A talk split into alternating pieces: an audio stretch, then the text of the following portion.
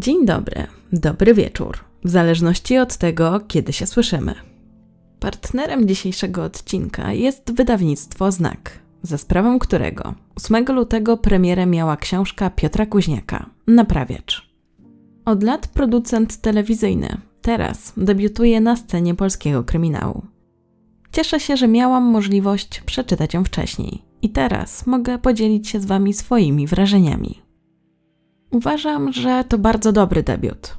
A to, że Piotr Kuźniak miał okazję być obecny przy stole operacyjnym ponad 200 razy, sprawia, że tytułowy naprawiacz wie, co to znaczy działać z chirurgiczną precyzją. Jaką historię znajdziemy w tej książce? Pokrótce ją Wam teraz przybliżę. Otóż w Warszawie grasuje morderca, który zdecydowanie uważa, że ma misję. Chce naprawiać świat, tylko w dla siebie zrozumiały sposób. Na swoje ofiary wybiera osoby, które jego zdaniem bezczeszczą swoje ciała i postanawia je naprawić, ingerując w nie. Śledczy dosyć szybko orientują się, że mają do czynienia z serią. Rozpoczyna się więc walka z czasem. Zwłaszcza, że sprawca kontaktuje się z mediami. Kim jest tytułowy naprawiacz i czy uda się go złapać? O tym przekonacie się czytając książkę Piotra Kuźniaka. Jeśli chodzi o moje wrażenia, to fabuła wciąga od początku. Autor od razu zaczyna od konkretów i buduje napięcie. Ciężko się oderwać już od pierwszych stron, a opis działań sprawcy naprawdę przeraża. Bo tytułowy naprawiacz jest bezwzględny, nie waha się i nie zamierza dać się złapać. Książkę czyta się bardzo dobrze, a zakończenie może Was zaskoczyć. Więcej nie zdradzam, najlepiej jak sprawdzicie sami. W opisie znajdziecie link do zakupu książki. W dzisiejszym odcinku posłuchacie o historii mordercy, którego zbrodnie wstrząsnęły całą Polską, a ich motyw był dla wielu niezrozumiały. On również postąpił z ciałami swoich ofiar w sposób, który przeraża do dziś. Dlaczego nazwano go władcą much? Ile kobiet zabił? Jak go złapano? Zapraszam do wysłuchania dzisiejszej historii.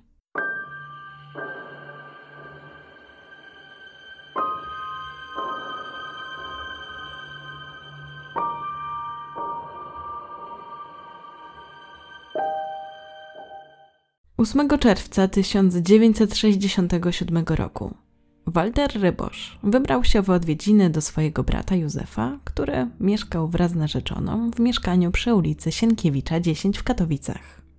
W pewnym momencie kobieta podeszła do okna i zwróciła uwagę obu mężczyzn na to, że w budynku naprzeciwko, w mieszkaniu na poddaszu, jest coś, co zdecydowanie budzi jej niepokój. Otóż nie mogła się nadziwić, jak w mieszkaniu można mieć tyle robactwa. A miała na myśli muchy, które nawet z takiej odległości były bardzo dobrze widoczne. Walter, przyglądając się temu widokowi, stwierdził, że to nie są zwykłe muchy, że na jego oko to są takie muchy, które siadają na psującym się mięsie.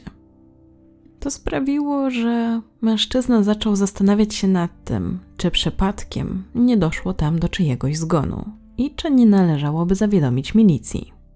Naprzeciwko znajdowała się kamienica przy ulicy Dąbrowskiego 14. Jak się później okazało, mieszkańcy tego budynku już od dłuższego czasu mieli problem z okropnym zapachem, wręcz fetorem, który wydobywał się z kawalerki na poddaszu w kamienicy. Coś tam było nie tak. Do tego spod drzwi wydostawało się jakieś robactwo. Zresztą niektórzy lokatorzy skarżyli się na to, że także pojawiło się i u nich. Ale mieszkańców niepokoiło coś jeszcze. Od pewnego czasu nigdzie nie było widać mężczyzny, który mieszkał w tej kawalerce Bogdana Arnolda. Narzeczona brata Waltera niewiele wiedziała o tym mężczyźnie, który od dwóch lat był lokatorem mieszkania na poddaszu. Walter zaczął dyskutować ze swoim bratem Józefem, czy temu mężczyźnie może coś się nie stało.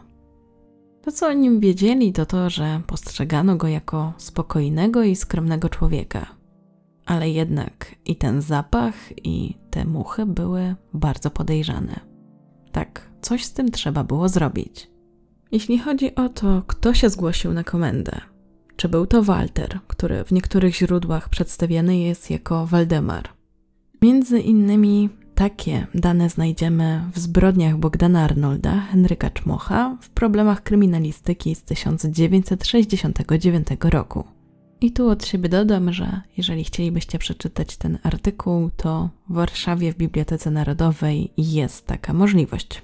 Nie wiem jak w innych bibliotekach, ale na pewno w Warszawie w tej bibliotece znajdziecie ten artykuł. I ogólnie czasopismo Problemy kryminalistyki myślę, że jest bardzo interesujący dla wszystkich, którzy interesują się właśnie sprawami kryminalnymi. Natomiast Andrzej Gawliński w swojej książce Władca Much Bogdan Arnold, seryjny morderca kobiet, podaje, że mężczyzna tak naprawdę miał na imię Walter, czy właśnie był to Józef, który według Andrzeja Gawlińskiego właśnie był tym, który zgłosił się na milicję. Tak naprawdę dla tej sprawy nie ma to aż takiego znaczenia, który z braci zgłosił to, co się dzieje we wspomnianym mieszkaniu, natomiast ważne jest to, jaki był tego skutek.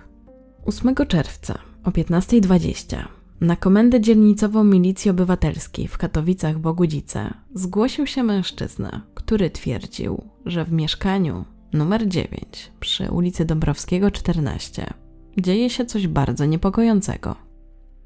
Człowiek ten twierdził, że w tym mieszkaniu nie dość, że jest masa much, to jeszcze strasznie śmierci i ma obawy, że mogło tam dojść do czyjejś śmierci.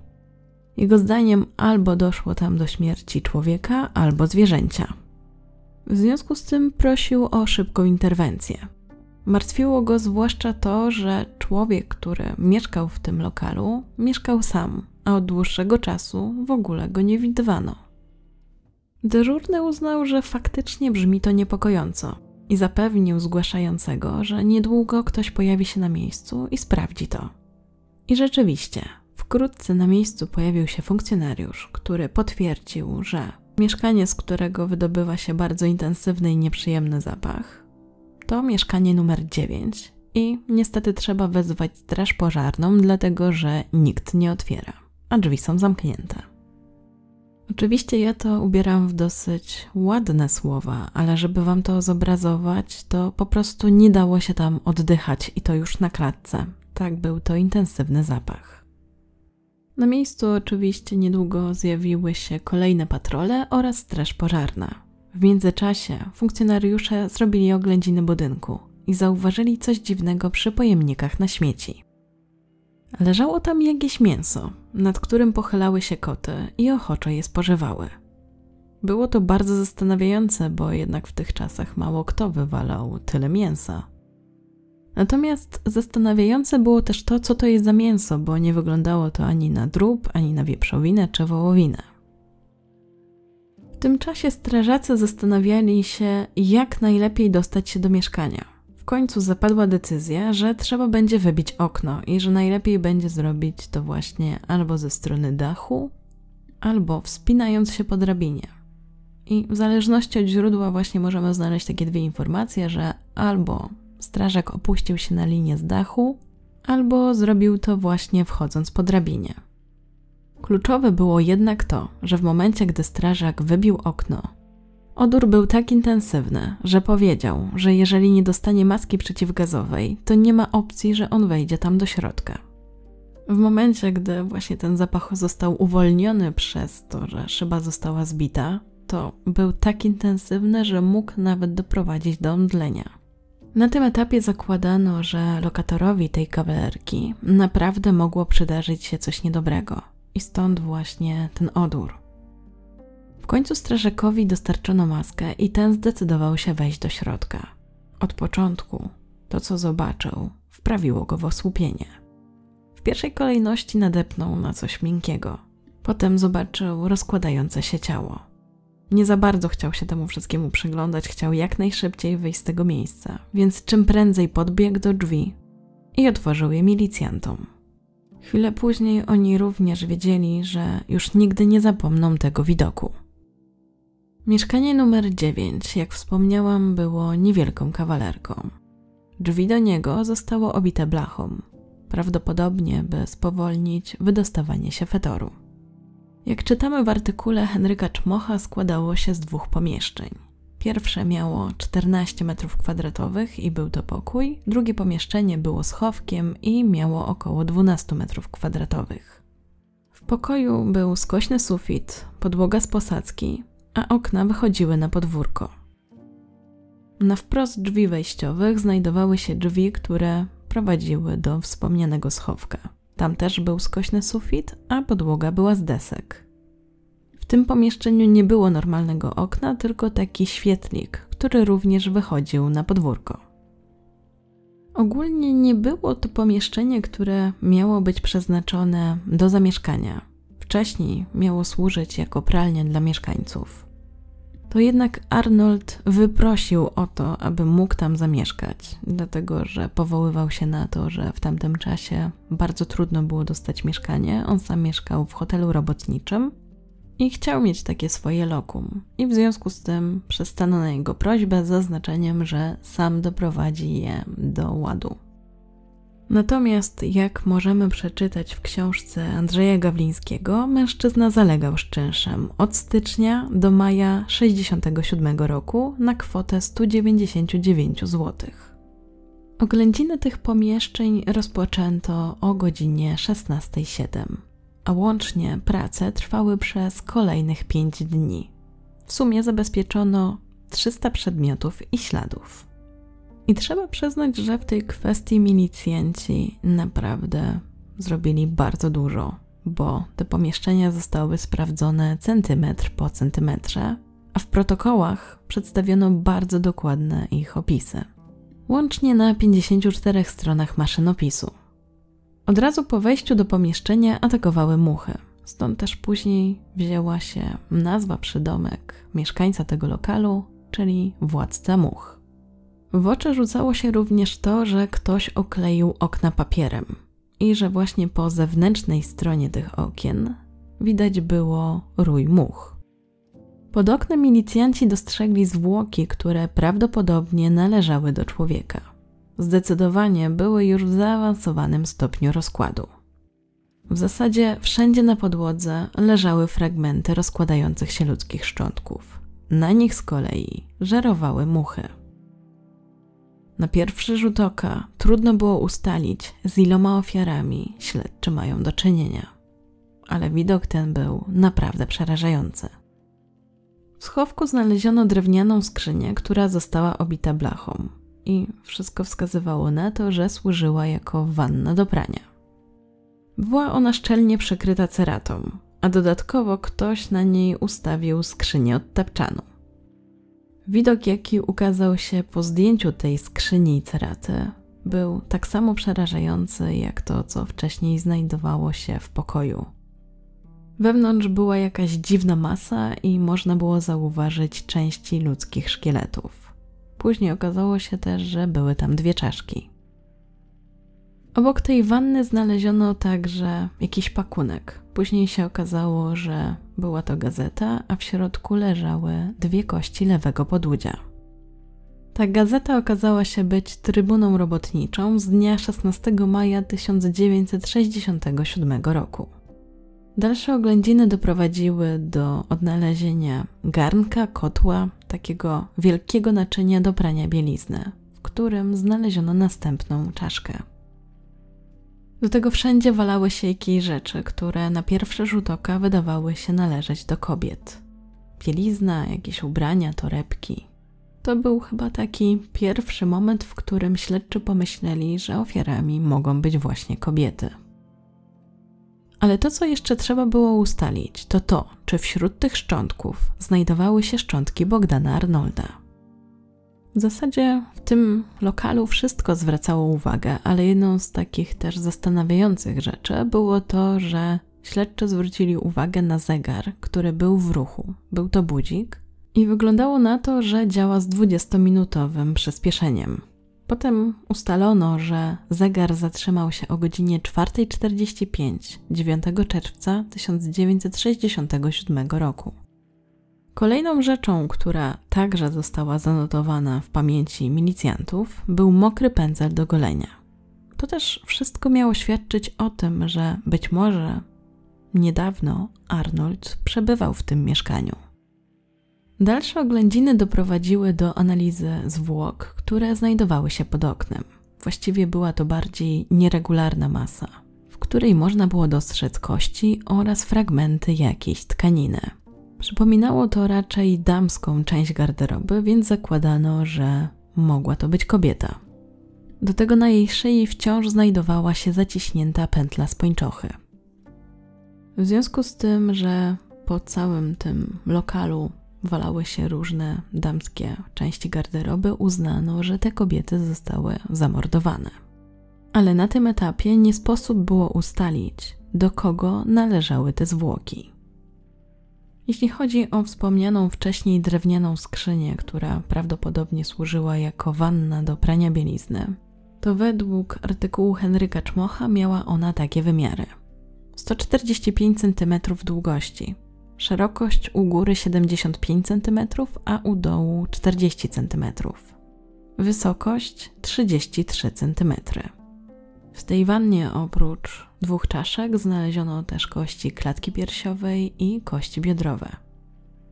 Z kolei jeśli chodzi o ten pakunek z gazety, w którym znajdowały się dwie części lewego podłudzia, to na tych kościach wciąż jeszcze można było dostrzec resztki ciała. Z kolei wspomniany kocioł do prania bielizny, czy też garnek w niektórych źródłach, był napełniony wodą i nakryto go taką płytą izolacyjną z tekstolitu. I taka ciekawostka. Tekstolit to jedno z najstarszych tworzyw sztucznych, które zostało upowszechnione w przemyśle w latach 30. ubiegłego wieku. Najczęściej jest produkowany poprzez sprasowanie w podwyższonej temperaturze kilku warstw tkaniny bawełnianej, która jest nasycona żywicą syntetyczną. I właśnie pod tą płytą z tekstolitu znaleziono odciętą głowę ludzką.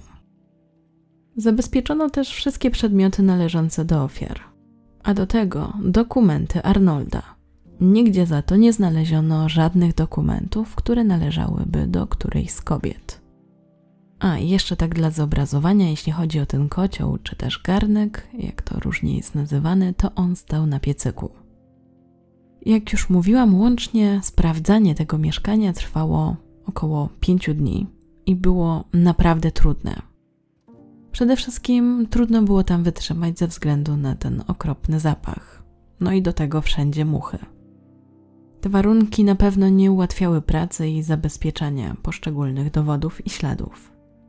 Za każdym razem, gdy kończyła się praca na dany dzień, to mieszkanie plombowano i potem na warcie umieszczano dwóch milicjantów. A dokładniej jak tam działano, jakie metody wybrano, opisuje Andrzej Gawliński w swojej książce. Również znajdziecie tam fragmenty protokołów z tego śledztwa. Jedną z takich ciekawostek, jaką właśnie można przeczytać w książce Andrzeja Gawlińskiego, jest to, że na szafce nocnej znaleziono taką broszurę Trudności w małżeństwie, a do tego zabezpieczono 28 zdjęć kobiet, które nie były ubrane, i te zdjęcia zostały wycięte z tygodnika Panorama. Miał tam się też znajdować list od Celiny, czyli byłej partnerki Bogdana. Wracając jeszcze do samego sprawdzania tego miejsca zbrodni, to żeby przedstawić Wam, zobrazować właściwie, jak było to trudne dla milicjantów, to powiem Wam, że milicjanci musieli się zmieniać i ci, którzy w końcu mogli stamtąd wyjść, to najczęściej szli do sąsiadki, która mieszkała pod Bogdanem Arnoldem i tam już nie wytrzymywali, korzystali z jej łazienki, myli się i wymiotowali bardzo często. W ogóle, jeśli interesują Was wypowiedzi sąsiadów Bogdana Arnolda, to znajdziecie je w dokumencie Discovery, który jest dostępny na YouTubie. Umieściłam go Wam w linkach w źródłach. Jest to dokument seryjni mordercy Władca Much Bogdan Arnold.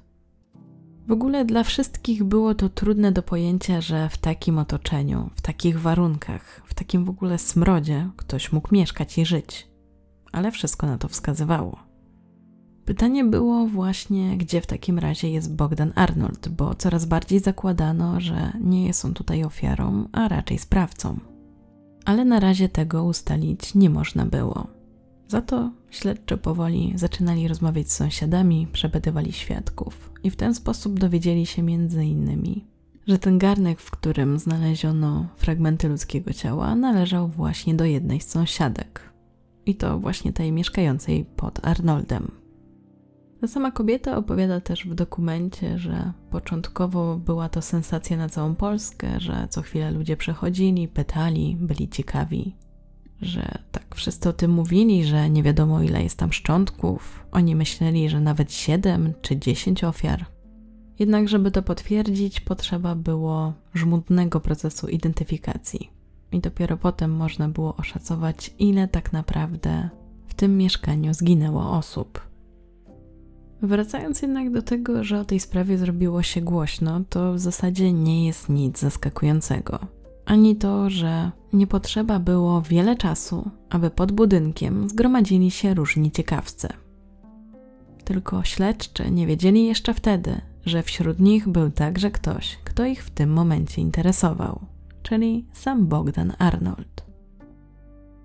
Mężczyzna, orientując się, że jego potworna tajemnica wyszła na jaw, uciekł jak najszybciej i postanowił ukryć się, wierząc, że milicjanci go nie odnajdą.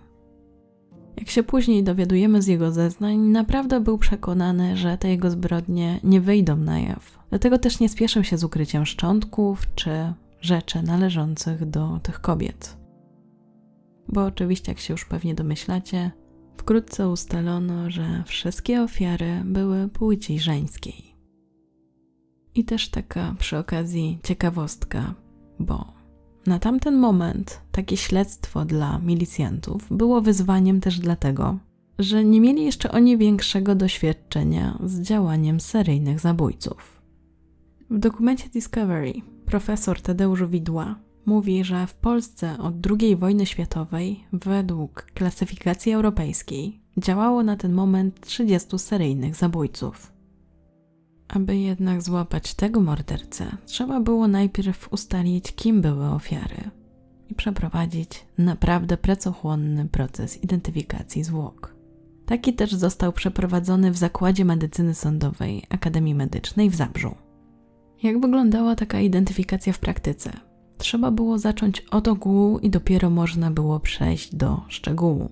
Czyli najpierw trzeba było ustalić, że to są zwłoki ludzkie, potem, że należą do wielu osób i potem je rozdzielić. Dopiero na tej podstawie potwierdzono, że śledczy mają do czynienia z czterema ofiarami i że wszystkie są płci żeńskiej. W trakcie tego procesu liczył się każdy detal, nawet muchy, bo to one pomogły ustalić m.in. czas zbrodni. To właśnie na ich podstawie oszacowano, że od popełnienia pierwszej zbrodni minęło około pół roku. O tym, jak działał morderca, więcej mogły powiedzieć przedmioty, które znaleziono we wspomnianym mieszkaniu, czyli m.in. młotek, fragmenty zawiązanej pończochy czy zaciśnięta pętla z drutu. Tylko to, co warto podkreślić, to to, że nie ustalono jednoznacznie, jak to wyglądało, była to raczej dedukcja i później zweryfikowano to z tym, co powiedział podejrzany. Ważnym problemem w trakcie procesu identyfikacji ofiar było to, że nie można było pobrać od nich odcisków palców oraz nie można też było zrobić takiego gipsowego odlewu z twarzy. Później pomogła metoda superprojekcji, czyli właśnie na podstawie kształtu czaszek wykonano takie plastyczne rekonstrukcje wyglądu twarzy oraz analiza uzębienia, a dokładniej plomby ale to bardziej już później przy potwierdzaniu tej tożsamości na podstawie zeznań Bogdana Arnolda. Ostatecznie udało się zidentyfikować trzy z czterech kobiet. Jednej z nich tożsamości do dziś nie ustalono. I jeszcze w dokumencie Discovery pada bardzo ciekawa kwestia odnośnie tego, że takich seryjnych morderców dzielimy, albo w tamtym czasie właściwie, dzieliliśmy na misjonarzy i hedonistów. I misjonarze mają poczucie misji, natomiast hedoniści to nie są tylko takie osoby, które chcą realizować swoje potrzeby seksualne, ale też na przykład zaspokoić potrzebę zabijania, dominacji. Kręci ich tyranizm. I że ogólnie właśnie tak z grubsza większość seryjnych morderców możemy zaliczyć do którejś z tych kategorii. I na tym etapie śledztwa zakładano, że Bogdan Arnold może być takim właśnie misjonarzem Ale więcej o motywach tych zbrodni powiem Wam później, właściwie takich przepuszczalnych motywach, bo to też cały czas jest kwestia dyskusyjna, mimo że sam sprawca podał nam motyw swojego działania. Przejdźmy teraz do tego, co ustalono o ofiarach. W przypadku ofiary pierwszej, którą określono jako zwłoki numer jeden, czyli te, które znaleziono na podłodze pierwszego pomieszczenia, ustalono, że była to kobieta lat 30, miała około 166 cm wzrostu.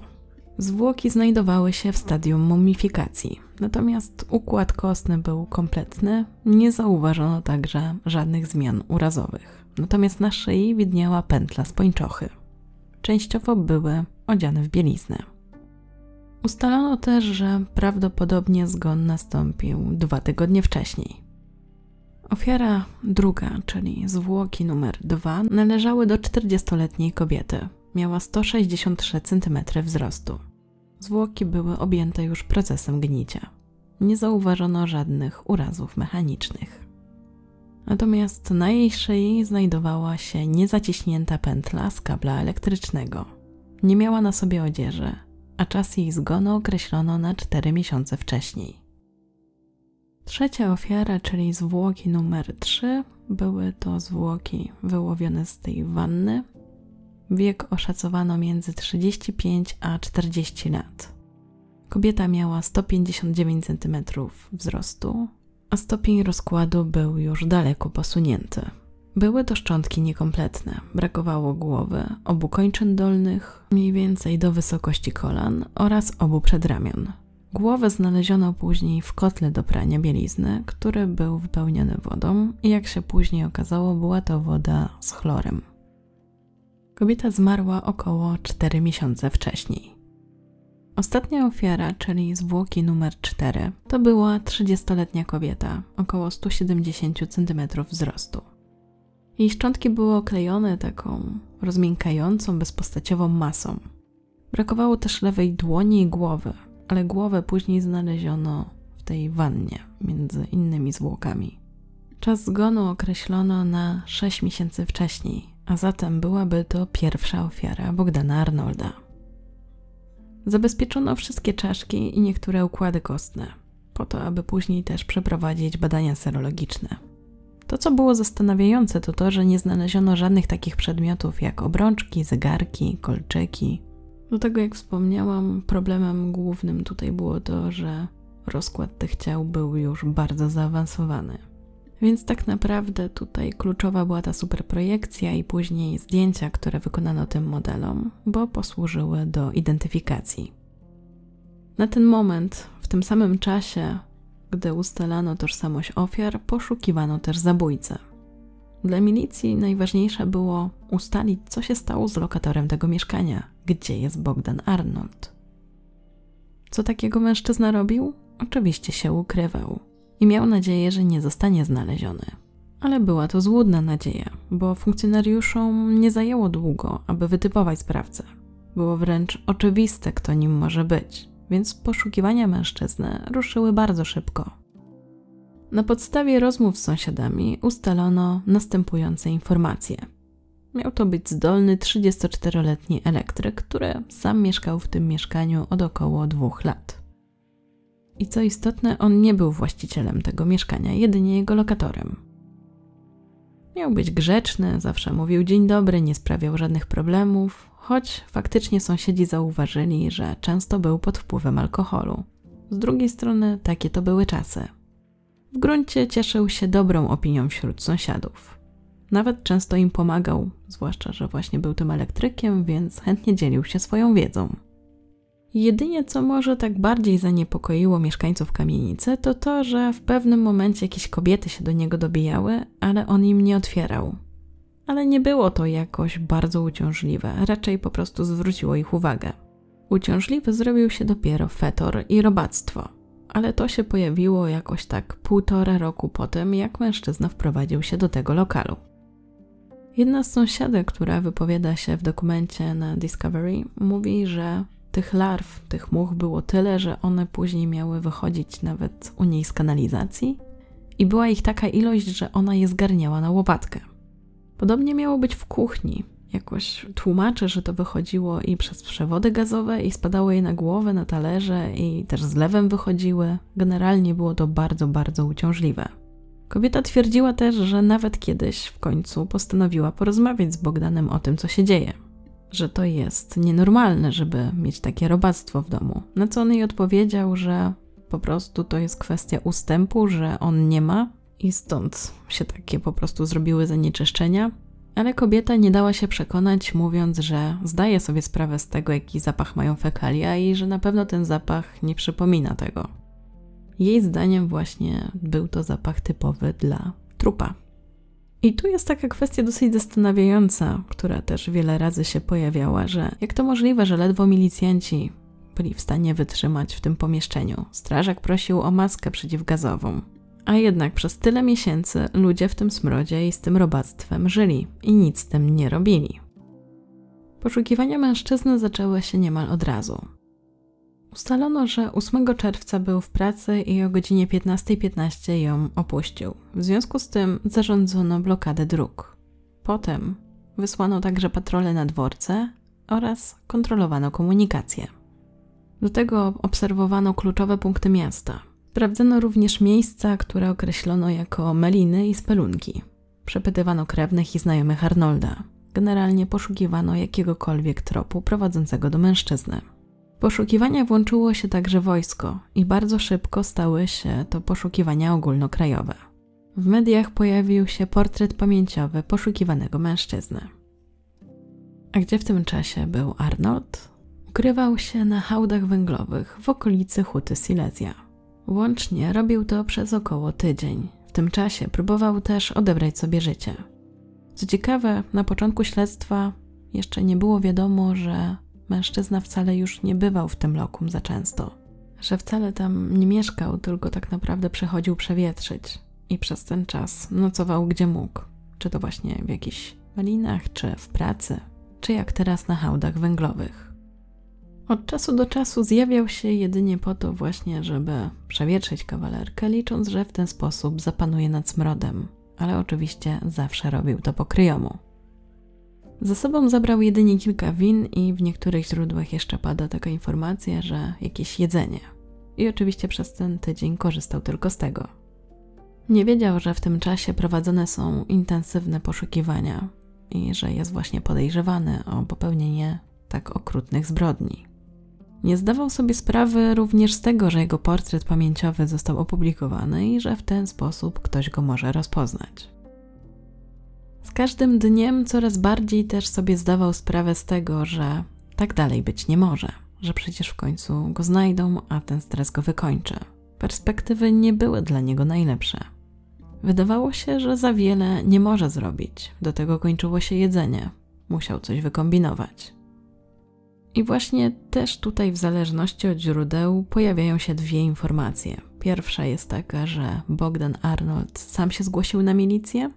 Druga, że jednak został przez kogoś rozpoznany i ta osoba zgłosiła się na milicję i powiedziała, że prawdopodobnie ktoś podobny do Bogdana Arnolda znajduje się w okolicy Huty Silesia. I z tych dwóch wersji raczej wydaje mi się, że ta druga jest bardziej prawdopodobna, zwłaszcza, że też taką przedstawia Andrzej Gawliński w swojej książce.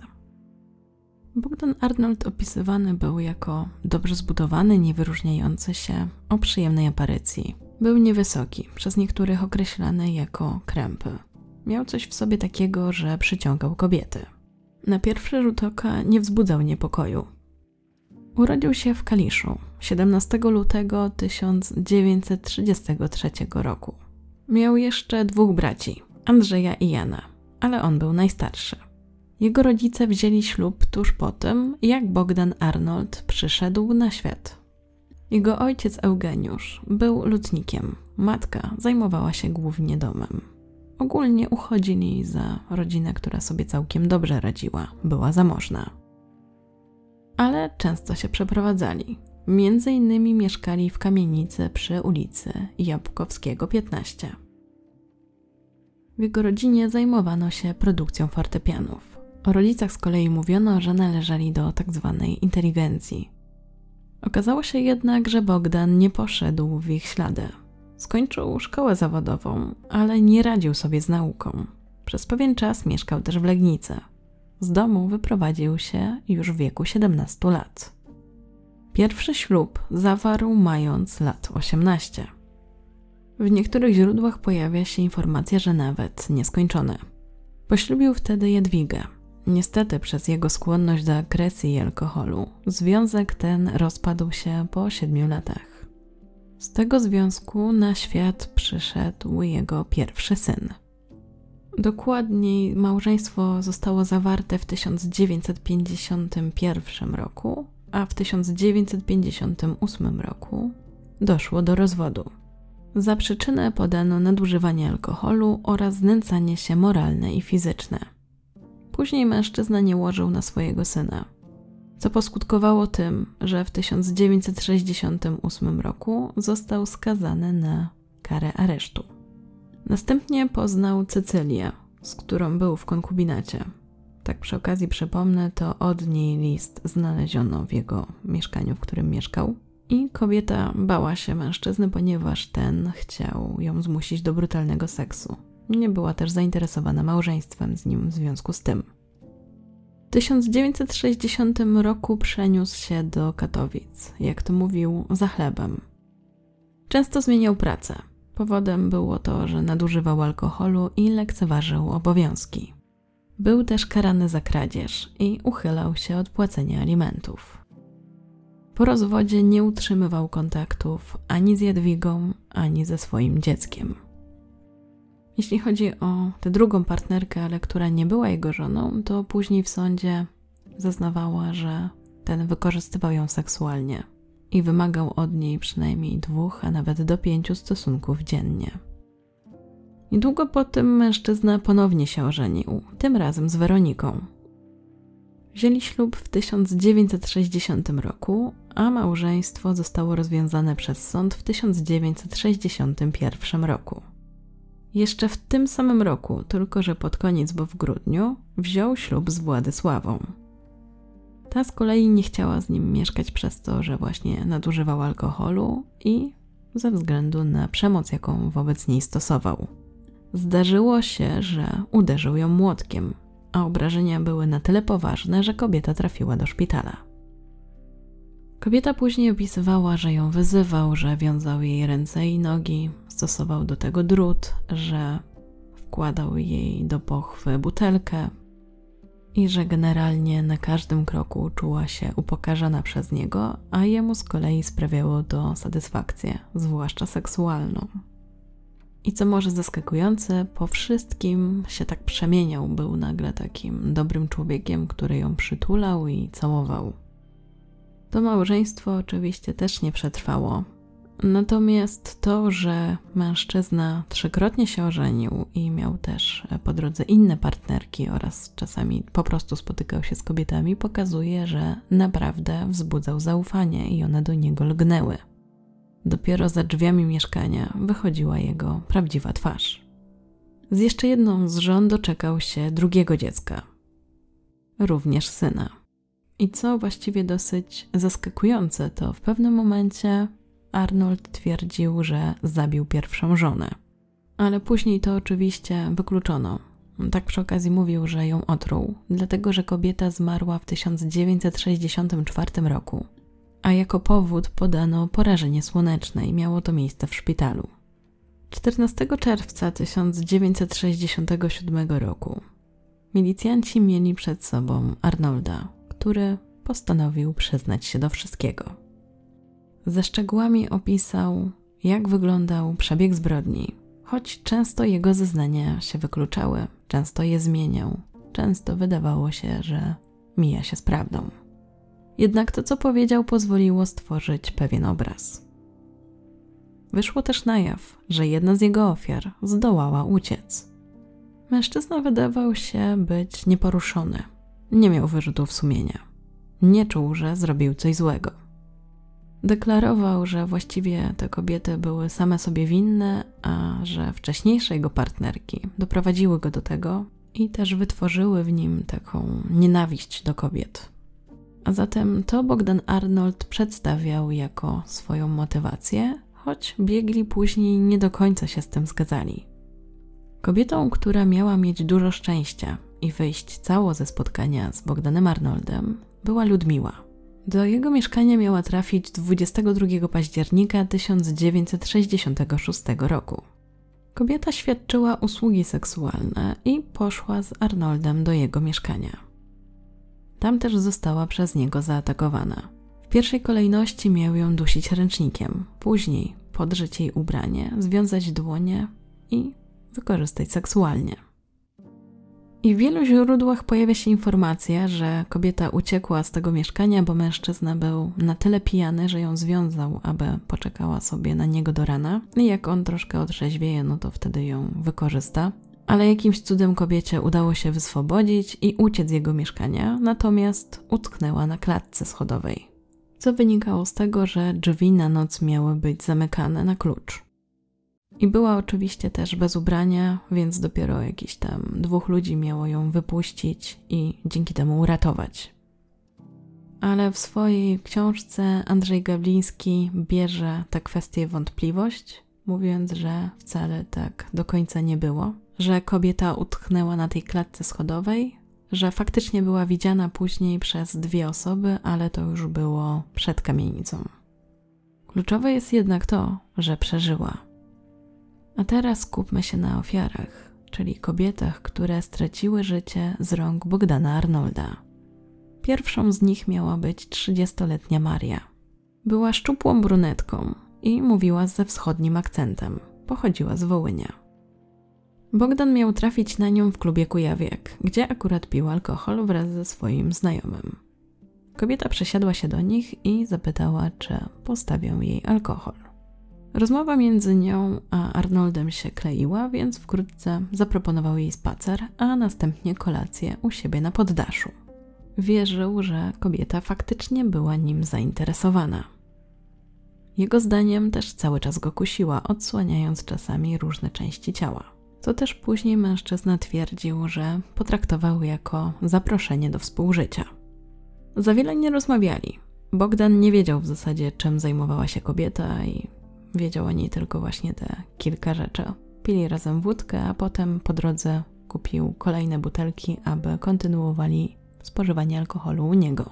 I wszystko szło po jego myśli, aż do momentu, gdy między nimi zaczęło się już robić tak bardzo poważnie, w sensie zbliżało się to wszystko do współżycia. I wtedy Maria powiedziała, że to będzie kosztować 500 złotych. A to bardzo Arnolda zdenerwowało bo nie wyobrażał sobie, aby miał płacić za seks. Zażądał więc, aby natychmiast wyszła. A kobieta zamiast to zrobić, postanowiła go zaszantażować. Według jego opowieści rozerwała na sobie ubranie i powiedziała, że pójdzie na milicję i zgłosi próbę wykorzystania seksualnego. W związku z tym stwierdził, że już jej z tego mieszkania wypuścić nie może. Chwycił ją za szyję, uderzył młotkiem, a potem, gdy uznał, że nie żyje, ukrył jej ciało w skrzyni tapczanu. Bardzo go to wszystko zdenerwowało, na tyle, że przez kolejnych pięć nocy nie wracał do mieszkania. Nocował przeważnie w pracy albo na dworcu. W końcu, piątego dnia, gdy spożył wystarczające ilości alkoholu, odważył się wrócić do mieszkania i zobaczyć, jak wygląda sytuacja. Wtedy zdjął z kobiety odzież, następnie odciął jej lewą dłoń, zawinął w jej odzież i spalił w piecu. W tym samym piecu spalił także jej torebkę, nie sprawdzając wcześniej, co w niej było. Palenie trwało dosyć długo, więc uznał, że musi wymyśleć inny sposób, aby pozbyć się jej ciała.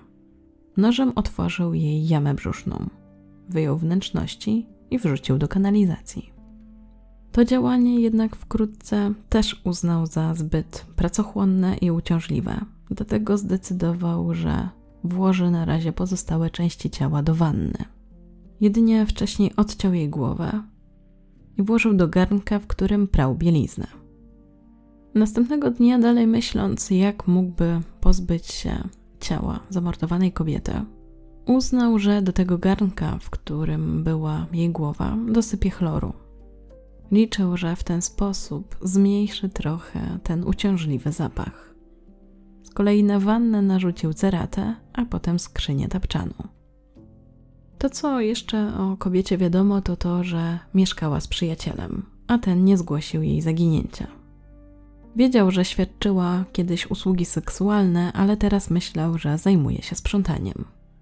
Andrzej Gawliński w swojej książce podaje również, że była matką. To co istotne, to to, że Maria była jedyną ofiarą Arnolda, której na początku znajomości mężczyzna nie planował zabić, bo w przypadku kolejnych ofiar działał już z premedytacją. Następną ofiarą była kobieta, której tożsamości nigdy nie udało się ustalić. Wiadomo, że poznał ją pięć miesięcy później, bo 12 marca 1967 roku. Tym razem w barze Mazur. Kobieta miała mieć 40 lat. Pili razem wódkę, a potem zgodziła się z nim spędzić noc. W mieszkaniu Bogdan znęcał się nad nią, bił ją, torturował i zmuszał do uprawiania perwersyjnego seksu. I jeśli chodzi o jego zeznania, tutaj też pojawiają się pewne rozbieżności, bo raz mówił, że planował ją zabić, innym razem mówił, że planował ją zabić, bo odkryła zwłoki wcześniejszej ofiary, a jeszcze też pojawiła się wersja, że ktoś szedł na klatce schodowej i ona wtedy się zachowała tak, jakby chciała krzyknąć, więc on się przestraszył i musiał ją zabić. Chwycił ją więc za szyję i zacisnął z całej siły. Zwolnił dopiero, gdy zobaczył, że kobieta już nie żyje. Potem się rozebrał, żeby nie pobrudzić ubrań krwią. Odciął jej głowę, górne i dolne kończyny, otworzył jamę brzuszną i wyjął wnętrzności. Potem postępował podobnie jak w przypadku pierwszej ofiary, czyli wrzucał jej wnętrzności m.in. do rury kanalizacyjnej. Potem jej tułów umieścił w wannie, a garderobę spalił w piecu. Do trzeciego zabójstwa doszło 21 kwietnia 1967 roku.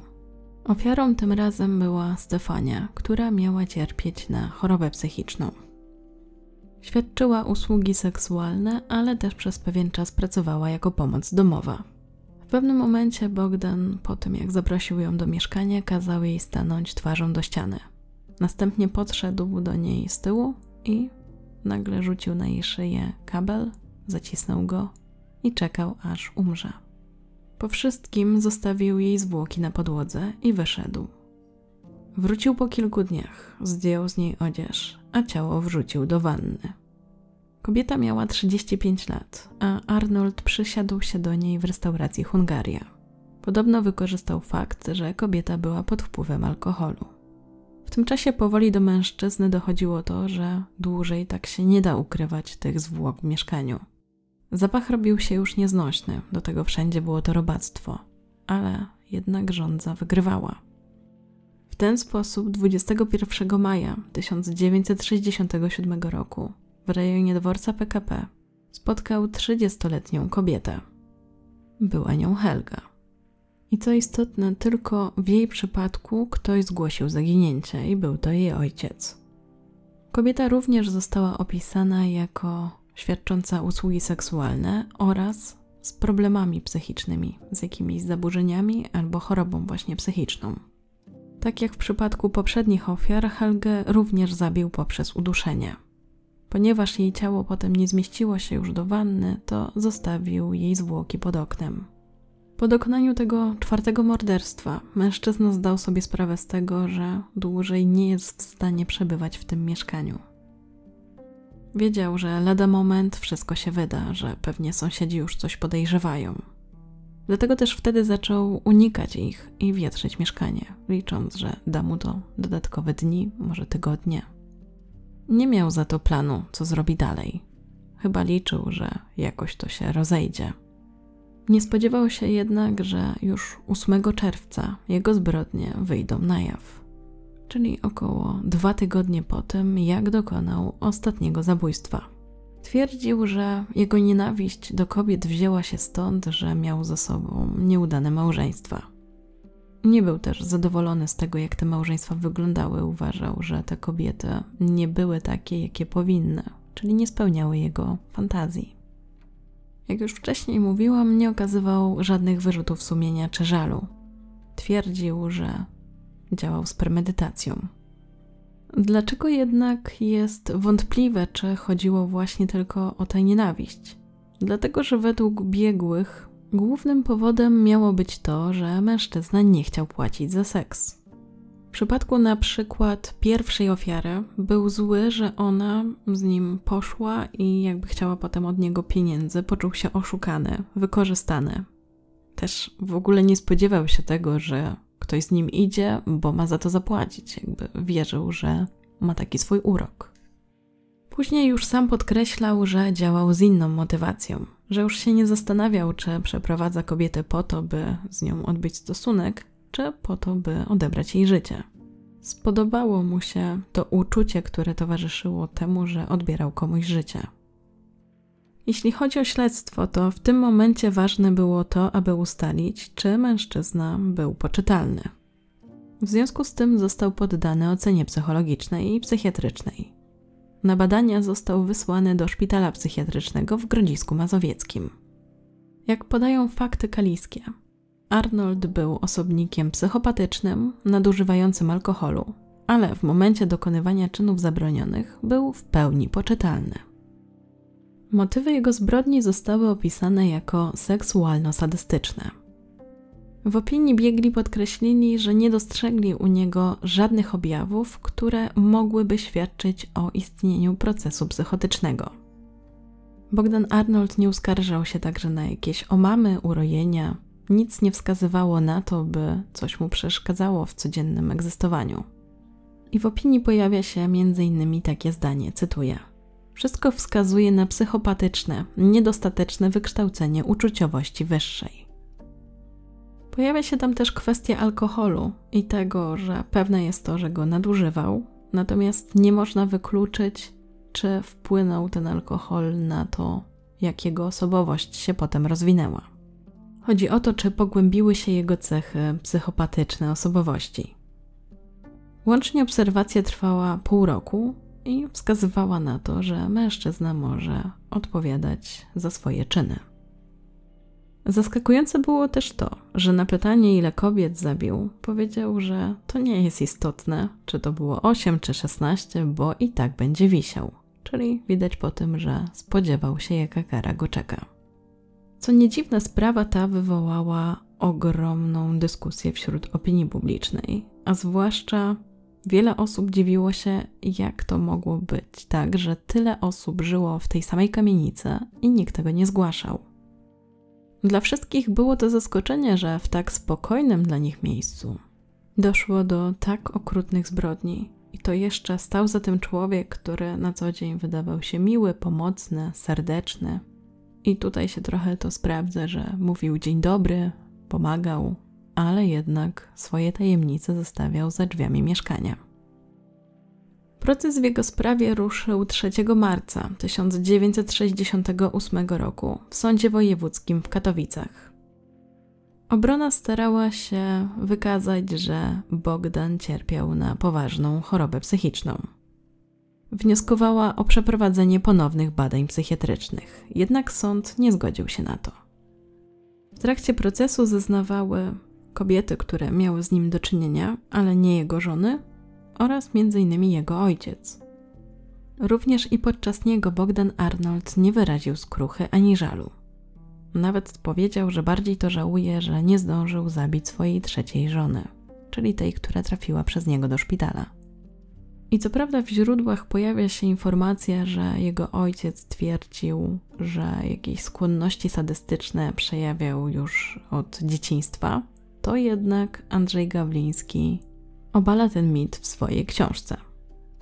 Jeśli chodzi o kobiety, które zeznawały, były to głównie kobiety, które odbyły z nim stosunek seksualny, świadcząc po prostu takie usługi. Jedną z nich była Stanisława, która mówiła, że właśnie bardzo dziwnie się zachowywały i wydawały jakieś dźwięki, które określiła jako podobne do wycia. Przestraszyła się i uciekła z jego mieszkania. Czesława i Leokadia również zeznały, że mężczyzna nie odbywał z nimi normalnych stosunków. Określiły ich charakter jako perwersyjny. Dodały też, że stosował różne bodźce, które miały go zaspokoić. Między innymi chodziło o prąd, a dokładniej rażenie prądem. Co ciekawe, ten wątek prądu elektrycznego również analizowali biegli i oceniali, czy on mógłby komuś zagrażać. Natomiast oceniono, że nie było to takie napięcie, które mogłoby doprowadzić do śmierci. Podobnie o mężczyźnie wypowiadała się Salomea, która twierdziła, że ten ugryzł ją w pierś. W trakcie procesu rysował się obraz Bogdana, który miał mało krytyczny stosunek do własnej osoby. Był nieprawdomówny, nieszczery, nie wyrażał żalu, wyrzutów sumienia. Uważał, że postępuje dobrze i jest w porządku. Z uporem twierdził, że to inni źle mu życzą i knują przeciwko niemu intrygi. Nie widział swoich błędów ani nic złego w swoim postępowaniu, nawet gdy przytaczano mu konkretne sytuacje, jak na przykład ranił kobiety, bił je, atakował.